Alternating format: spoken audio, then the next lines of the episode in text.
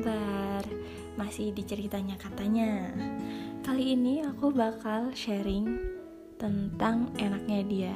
Hah? Enaknya dia? Apa sih? Jadi enaknya dia ini adalah sebuah pengalaman dari aku dan sobi-sobi aku tentunya. Jadi waktu itu aku punya temen nih. Sebut aja si A. Nah, si A ini dia menurut aku dari SMA kenal dia dari SMA jadi dari SMA tuh dia tuh udah kayak yang hmm, perfect banget gitu kehidupannya. Udah cantik pacarnya ganteng kaya ya gitu gitulah ya. Jadi waktu itu aku cerita sama teman aku waktu udah lulus kuliah nih ya. Cerita tahu nggak aku punya teman temenku ini uh, uh perfect banget pokoknya ya udah mah cantik pacarnya ganteng terus udah itu kaya terus udah itu sekarang udah mau magister kata kan. Terus dan lain sebagainya. Udah nih aku ceritain pokoknya yang bagus-bagus aja aku ceritain. Terus pas waktu aku besok harinya aku buka IG jeng jeng jeng diceritain tuh apa sih nggak enaknya dia? Dan bener kata temen aku yang aku ceritain. Mi dengerin deh. Nggak semuanya yang dia ceritain di Instagram yang kamu lihat itu ya nggak nggak semuanya itu yang dia perlihatkan itu yang bagus-bagus. Enggak Mei. Semuanya pasti ada yang gak enaknya Allah kataku kan waktu itu. Allah nggak mungkin apalagi dia dia mah kaya gan pacarnya ganteng terus dia cantik. Udahlah pokoknya dia mah perfect gitu kan. Nggak tahunya dong. Terus dia cerita uh, aku lihat di story dia. Ya dia pernah ngalamin juga dong yang namanya nggak enaknya itu. Jadi dia pernah ngalamin yang nilainya jelek lah. Terus udah itu jatuh bangunnya dia. Ya dia ceritain terus apa yang kita lihat itu ternyata nggak semuanya enak. Cuma kadang emang kita sering lihatnya enaknya doang. Nggak enaknya dia dia nggak share. Jadi ya gimana ya kita sebagai uh, netizen zaman now emang suka ngelihat enaknya doang ya kan kita nggak tahu di balik itu semua dia udah ngalamin apa. Kita nggak tahu. Sama halnya dengan kamu. Kamu juga pasti ngalamin nggak enaknya dong. Tapi orang lain ngelihat kamu enak dong. Ya sama kita juga ngeliat orang juga kayak gitu. Jadi intinya itu nggak semua yang kita lihat itu selamanya benar. Meskipun terlihat benar di balik itu semua pasti ada rintangan yang orang lain lewati tapi dia nggak ingin ceritain bagaimana prosesnya. Apa yang dia alamin itu dia nggak ingin share. Karena menurut dia ya itu privasi dia lah ya. Buruk-buruknya udahlah nggak usah lihat kalian mah enak enak-enaknya enak-enaknya aja yang dilihat ya. Terus semua itu ada porsinya masing-masing sih aku yakin Tuhan tuh udah gariskan kita itu udah sesuai porsinya masing-masing. Apa yang terjadi itu udah harus kita syukurin harus kita nikmati prosesnya apa pun itu. Kita harus yakin bahwa semua itu bakal indah pada waktunya. Jadi buat kalian yang lagi down apa pun itu harus disyukurin lah intinya mah. Semua itu pasti ada nggak enaknya pasti ada enaknya. Jadi jangan selalu bilang enaknya dia doang ya. Dia juga pasti ngalamin gak enaknya. Oke sekian dulu ya dari aku. Kurang lebihnya aku mohon maaf. Tetap semangat and see you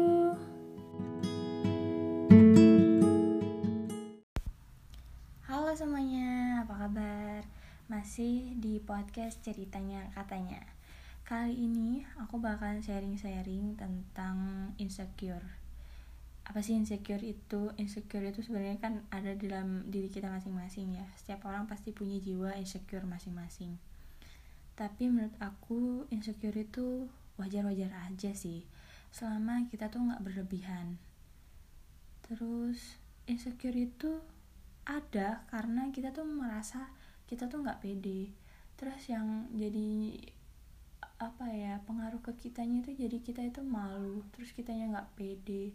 Kitanya nggak bisa explore lebih tentang diri kita.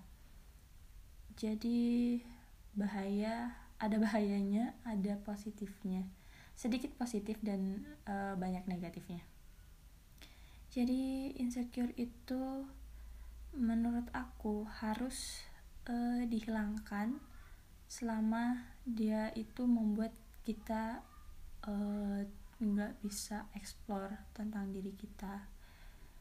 Dan jiwa-jiwa insecure itu menurut aku apalagi di dunia kerja ya dunia kerja itu kita diusahakan kita tuh nggak nggak se insecure uh, atau tidak berlebihan gitulah ya. Kenapa? Karena saat kita kerja itu kita tuh di kalau kita punya jiwa insecure di dalam dunia kerja kita tuh bisa tergeserkan bisa tidak dipercaya sama atasan terus jarang punya teman. Pokoknya jiwa-jiwa insecure dalam dunia kerja itu pokoknya har harus dihilangkan. Aku nih ada lima cara gimana uh, biar kita tuh mengurangi lah ya mengurangi jiwa-jiwa insecure yang ada dalam diri kita. Yang pertama tuh kita harus selalu positive thinking. Anything anywhere. Pokoknya kalian tuh harus positive thinking aja atas apa yang kalian kerjakan. Terus yang kedua itu uh, berhentilah buat kalian untuk uh, nyalahin diri kalian. Misalnya nih ada teman kalian yang bilang e, kamu gimana sih kerjaan kamu? Kok gini gini gini? Itu tuh harusnya gini gini tuh sekalian langsung down gitu aja. Menurut aku sih jangan sampai kayak gitu. E, solusinya ya kalian pede aja dengan diri kalian. Oh aku salah ya? Kalau aku salah harusnya aku gini ya? Kayak gitu. Jadi kalian jangan langsung down. Kalian cari uh, penyelesaian dalam diri kalian untuk masalah kalian. Jadi harus kalian apain nih? Kayak gitu. Terus yang ketiga jangan sekali kalian kalian itu membandingkan diri kalian dengan uh, orang lain. Jangan sekalipun itu faktor paling sering sih yang aku dengar dari sobi-sobi aku teman-teman aku. Uh, dan mereka tuh insecure gara-gara kalian Eh, gara-gara mereka itu ngelihat teman kali teman-temannya itu lebih lebih lah ya lebih hebat lebih mapan ya kayak gitu-gitu dari dari diri kalian menurut aku sih boleh kayak gitu. Tapi jangan sampai kalian berlebihan tuh sampai kalian nggak bisa mem kalau menurut aku sih kalau bisa itu jadi motivasi kalian sih. Oh teman aku bisa kayak gini aku harus lebih kayak dialah kayak gitu. Misalnya teman kalian bisa ngerjain uh, pekerjaan apa ya ngedit ngedit uh, ngedit ngedit video nih. Ya kalian juga harus bisa kayak gitu. Jadi buatlah insecure yang dalam diri kalian tuh hilang dan menjadi motivasi buat kalian. Terus hindarin juga orang yang membuat kalian itu uh, down atau orang-orang yang toxic. Banyak sih kebanyakan kebanyakan di dalam dunia kerja itu banyak orang yang membuat kalian tuh uh, down atau toxic lah ya. Kenapa nggak toxic karena kebanyakan kalau di kantor tuh pasti ada omongan uh, teman-teman kalian yang bikin kalian itu down. Entahlah uh, aku pernah ngalamin di mana aku tuh kerja aku udah serius nih ya. Aku bener-bener aku kerjain kerjaan aku serius. Aku apa ya niatin gitu ya dalam aku kerja. Terus tiba-tiba ada nih teman aku nyaltok e, mbak kerjaannya kok gitu-gitu aja? Oh nggak bisa ya kerjaannya itu uh, ngerjain yang lain. Terus kerjaannya itu tolong ya digercep kan ya am dalam diri aku sebenarnya aku pengen ya ampun ini orang atau apa ya dikit di kata aku nih robot apa ya bisa kerja ini itu dengan secepat itu? kata. Terus bisa ngerjain uh, kerjaan yang lain-lain. Nggak lihat apa kerjaan aku gini ya pokoknya yang kayak gitu-gitu dalam diri aku tuh ya ampun. Terus aku um, gimana ya muncul perasaan tiba-tiba ya ampun kayaknya kerjaan aku segitu banyaknya ini kayak nggak ada apa-apanya daripada dia ya kayak gini-gini. Pokoknya yang kayak gitu gitu tolong hilangin lah dalam diri kalian. Orang yang toksik itu pasti ada dan kalian tuh harus bisa merubah uh, pola pikir kalian untuk uh, dia tuh jadi penyemangat kalian bukan yang membuat kalian tuh jadi down. Hilangkan pokoknya yang kayak gitu-gitu mah ya. Terus lakukan aja hal-hal yang buat kamu tuh bisa happy. Jadi bisa dibilang kalian harus sedikit bodoh amat dengan kata-kata orang lain orang yang toksik itu setidaknya kalian tuh lakuin aja apa yang menurut kalian itu baik dan benar dan membuat kalian itu happy. Biar kalian tuh apa ya mengurangin sedikit jiwa insecure dalam diri kalian. Jadi apa pun yang kalian lakukan uh, ubah pola pikir kalian untuk selalu positive thinking dalam diri kalian hilangin uh, ngebandingin ngebandingin diri kalian dengan orang lain terus salahin diri kalian hindarin orang yang toxic terus make your happy every day. Oke okay, sampai sini dulu ya cerita uh, tentang insecure. Jangan lupa ambil hikmahnya yang jelek-jelek kalian jangan ikutin. Tetap semangat and see you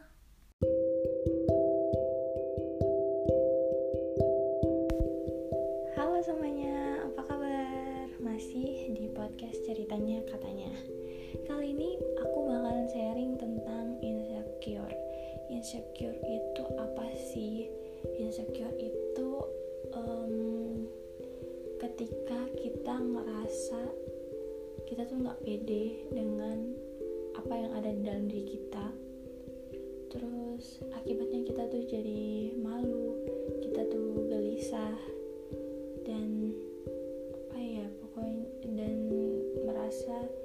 kita tuh down. Nah insecure itu pernah aku alami juga waktu aku selesai kuliah. Waktu aku selesai kuliah itu pastinya kita ngerasa kita habis lulus kuliah kita harus kerja. Ya dong. Buat apa kalau kita lulus kuliah terus kita nggak kerja? Jadi waktu itu aku ngerasa insecure ketika aku ngelihat teman aku uh, udah kerja duluan terus udah enak udah dapat posisi yang nyaman di kerjaan dia dan aku ngerasa aku tahu bakal bisa nggak ya kayak dia? Uh, bakalan bisa nggak ya dapat kerjaan enak? Bakal bisa nggak ya um, bahagian orang tua? Menurut aku insecure itu wajar-wajar aja. Tapi jangan sampai kalian uh, berlebihan untuk mengeksplor rasa insecure itu. Waktu itu aku ngerasa waktu aku lulus kuliah uh, diri aku mengharuskan aku untuk aku harus uh, kerja aku harus bisa mendapatkan posisi yang enak di pekerjaan aku dan lain sebagainya. Dan jiwa insecure aku tumbuh ketika um, aku ngelihat sosial media. Tetap ya sosial media itu toxic pertama dalam diri aku. Waktu itu aku ngeliat uh, story teman-teman aku yang udah kerja. Kayaknya kerjaan mereka enak ya. Kayaknya hidup mereka enak ya setelah kuliah. Sedangkan aku waktu itu masih jadi pejuang amplop coklat. Dan menurut aku insecure itu sekarang kayak merajalela. Apalagi apa ya setelah adanya sosial media nggak sih? Menurut aku sih gitu. Um, dulu waktu uh, kakak aku apa ya kakak aku masih zaman zaman kakak aku lulus kuliah itu sekitar 8 tahunan yang lalu atau 10 tahunan yang lalu itu tuh kita masih apa ya belum banyak jiwa-jiwa insecure dalam diri kita ya nggak sih? Ngerasa nggak sih? Kalau sosial media itu jadi toxic paling utama jiwa kita menjadi insecure. Jadi menurut aku insecure itu um, lebih banyak negatifnya. Ya nggak sih? Yang pertama itu kita jadi sering negative thinking. Terus yang kedua kita juga sering nyalahin diri kita sendiri. Kenapa sih kita kayak gini kenapa sih dia tuh bisa kayak gini sedangkan kita itu enggak kayak gitu terus jangan jangan sering kalian itu membandingin diri kalian dengan orang lain ya. Menurut aku sih itu juga toxic kedua. Setelah ada sosial media terus kita ngebandingin tuh sosial media dia dengan sosial media kita. Itu sih uh, apa ya faktor-faktor kita jadi insecure ya enggak terus uh, hindarin deh. Menurut aku kalian juga hindarin orang-orang yang membuat kalian itu uh, kurang pede. Atau orang-orang yang toksik atau orang-orang atau netizen-netizen yang suka menghujat kalian di sosial media. Atau yang banyak banget komentar. Inilah itulah gitu. Hindarin ya kalau bisa. Soalnya waktu itu aku juga pernah ngerasa uh, insecure dalam hal waktu itu aku pernah ngalamin yang namanya uh, apa ya badan aku gendut terus tiba-tiba kurus. Wah udahlah langsung dia omongin badan kurus dia omongin badan gendut dia omongin terus hidup gue harus gimana? Harus gendut harus kurus gitu kan. Insecure juga sih waktu itu apa ya ketemu sama orang yang toksik meskipun dia bercanda tapi kan kadang kita ngerasa oh apa ya ke, masuk ke dalam hati gitu. Padahal dia mah bercanda. Ya orang yang bercanda sih sebenarnya eh, nggak uh, apa-apa. Tapi ya kalau bisa hindarin lah ya kalian bercanda yang sekiranya bisa menyinggung hati. Orang yang toksik ya kayak gitu-gitu uh, kalau yang berlebihan ya bercandanya mah kalau bisa kalian hindarin aja jadi itu bisa sedikit mengurangi jiwa-jiwa insecure uh, kita saat ini. Uh, insecure itu juga bisa hilang ketika kamu merasa happy. Jadi menurut aku solusi utama untuk menghindari insecure adalah make your happy. Ketika kamu bisa membuat diri kamu itu happy lakuin apa yang menurut kamu itu benar kamu itu happy itu bisa sedikit mengurangi jiwa insecure dalam diri kalian. Dan apa ya insecure itu uh, wajar aja ada di dalam diri kalian. Asalkan kalian itu bisa mengontrol jiwa-jiwa insecure dalam diri kalian. Terutama uh, saat kalian membuka sosial media dan kalian buka story-story. Jadi menurut aku tolong hindarin jiwa insecure dalam diri kalian. Buatlah diri kalian itu happy. Buatlah diri kalian itu pede dengan apa yang kalian punya saat ini.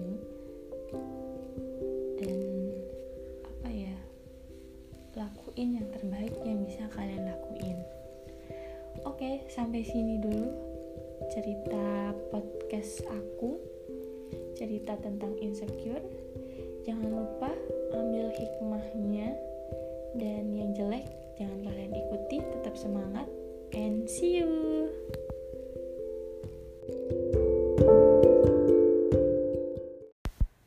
Halo semuanya, apa kabar? Masih di podcast ceritanya katanya. Kali ini aku bakalan sharing tentang um, kegagalan. Oke, kegagalan. Kegagalan itu bakalan terjadi kepada semua manusia. Itu sangatlah lumrah buat kita semua tapi kita semua nggak pengen ngalaminnya. Hidup itu pasti pernah di atas pernah di bawah. Gak selamanya kita di atas gak selamanya kita di bawah jadi kegagalan itu wajar kok. Tapi terkadang kitanya yang tidak bisa menerima kegagalan itu. Kegagalan itu bisa buat orang sampai berpikiran oke okay, aku bunuh diri aja. Setelah aku bunuh diri semua bakalan selesai. Nggak semudah itu Ferguson. Jadi kegagalan itu harusnya bisa kalian atasi. Kalian selesaikan semua yang ada di dunia itu nggak ada solusinya. Pasti ada solusinya. Seperti lagu lagu tulus kita tuh harus jadi manusia yang kuat. Manusia-manusia kuat. Itu kita, jiwa-jiwa yang kuat. Itu kita. Jadi enggak apa ya, manusia itu pasti ngalamin yang namanya kegagalan. Gak ada yang gak mungkin untuk seorang manusia yang udah gagal untuk bangkit lagi, untuk jadi sukses lagi, untuk bisa jadi pemenang. Semua udah uh, Tuhan gariskan kapan kita akan gagal dan kapan kita akan uh, sukses, akan berhasil. Aku juga pernah ngalamin masa di mana aku tuh bener-bener udah gagal menjadi seorang pelajar. Di mana waktu itu aku ngalamin yang namanya uh, nilai UN aku kecil, sedangkan beberapa mata beberapa mata pelajaran yang lainnya uh, nilainya lumayan. Saat itu aku bener-bener yang namanya udah down sedown-downnya. Aku merasa aku gagal sebagai pelajar di mana waktu itu UN pada zamannya menjadi uh, tolak ukur untuk seseorang siswa uh, dinyatakan lulus dari sekolah. Saat itu aku udah benar-benar udah kayak bingung sebingung-bingungnya. Udah nggak tahu harus gimana lagi bagaimana cara merubahnya. Sedangkan kegagalan yang udah terjadi hari itu nggak mungkin terjadi nggak mungkin aku bisa putar balikan. Kecuali uh, kita punya uh, uh, apa pintu ajaib entah pintu ke mana saja pindah seperti yang Doraemon punya pemutar waktu. Nggak semudah itu kita punya.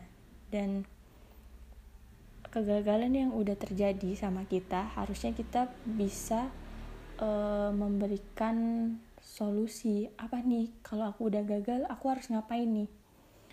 Nah pada saat itu aku udah bingung sebingung-bingungnya entah aku harus bagaimana sedangkan nilai uh, sedangkan UN itu udah terjadi. Terus udah itu ada lagi yang membuat aku down waktu itu ketika udah nilai UN jelek terus udah itu tiba-tiba senam PTN jalur undangan aku nggak dapet.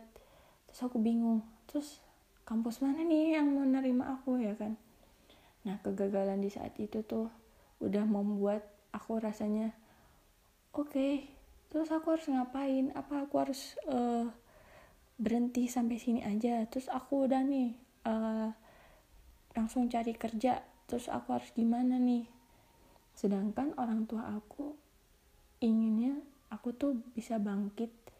Jangan stok mentok sampai situ doang. Tapi orang tua orang tua aku tuh ngajarin bagaimana caranya kamu tuh bisa menyelesaikan masalah yang terjadi sekarang. Jadi waktu itu setelah aku down aku biarkan nenangin diri aku selama dua hari kalau nggak tiga hari gitu. Terus baru aku bisa bangkit. Gimana caranya aku bangkit? Ya cuma satu sih kembali sama Tuhan. Gimana caranya uh, aku bisa menyelesaikan masalah. Salah satunya ya cuma Tuhan.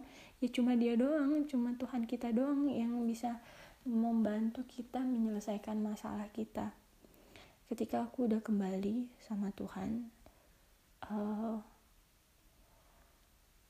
hanya satu kata hanya satu kalimat yang paling aku yakinin waktu itu kun fayakun nothing impossible ketika Tuhan berkata kun fayakun maka semua akan terjadi. Apa yang Tuhan inginkan pasti semua akan terjadi. Jadi jangan jangan sampai kalian itu menyerah jika impian kalian tuh belum tercapai. Kalian harus tetap apa ya semangat terus yakin terus berdoa. Udah cuma itu kunci dari segala kegagalan yang akan yang kalian alamin karena kegagalan itu nggak mungkin bisa kembali lagi waktunya. Jadi aku nih kayak main game kali ya. Uh, kalau udah gagal bisa nih di replay lagi nih uh, untuk game yang ini. Enggak enggak kayak gitu. Hidup tuh enggak kayak gitu. Kita nggak bisa memutar waktu bro. Terus kalau kata Pak Yanuar, Kepala Deputi 2 di staf kantor presiden, kalau kamu gagal, ya kamu gagal. Diimbres dulu, diterima dulu. Iya, aku tuh gagal. Tapi jangan lama-lama, karena you have a you have to continue. Hidup ini tuh nggak nungguin Anda. Hidup ini jalan terus. Waktu tuh jalan terus, bro. Tapi momen jatuh, momen gagal, adalah momen yang harus dirangkul. Bagaimana cara kamu itu untuk menyelesaikan masalah itu? Udah gitu doang. Terus kalau kata Pak Habibie nih, kegagalan itu hanya terjadi jika kita itu nyerah. Jadi kalau udah kita stok, oh berarti ya udah itu berarti udah gagal, udah kamu nggak bisa menyelesaikan masalah, ya udah nilai kehidupan kamu cuma sampai situ doang. Sedangkan hidup tuh terus berputar jadi solusinya kamu tuh harus bisa menyelesaikan masalah itu dengan cara semangat, dengan cara yakin dan berdoa dan yakin bahwa Tuhan itu bakal ngebantu kamu ketika kamu udah berada di posisi gagal. Ketika kamu senang aja kamu dibahagiain sama Tuhan, tapi kena, ketika kamu gagal, masa ya nggak dibantu sama Tuhan? Pasti dibantulah. Jadi hanya Tuhan yang nggak pernah gagal kalau kata-kata motivasi nih hanya Tuhan yang gak pernah gagal. Wajar jika kamu tuh pernah gagal. Jadi jangan di apa ya jangan biarkan rasa kecewa kamu berhenti pikirin kamu untuk kecewa. Jadi hentikan pikiran itu hentikan pikiran negatif itu. Tapi harus kamu temukan uh, penyebab kegagalan itu dan kamu selesaikan uh, kegagalan yang terjadi pada diri kamu itu. Oke, sekian dulu ya dari eh, sharing-sharing kita hari ini, sharing-sharing pengalaman aku hari ini. Yang bagus kalian ikutin, yang baik kalian ikutin, yang jelek jangan kalian ikutin. Uh, tetap semangat and see you.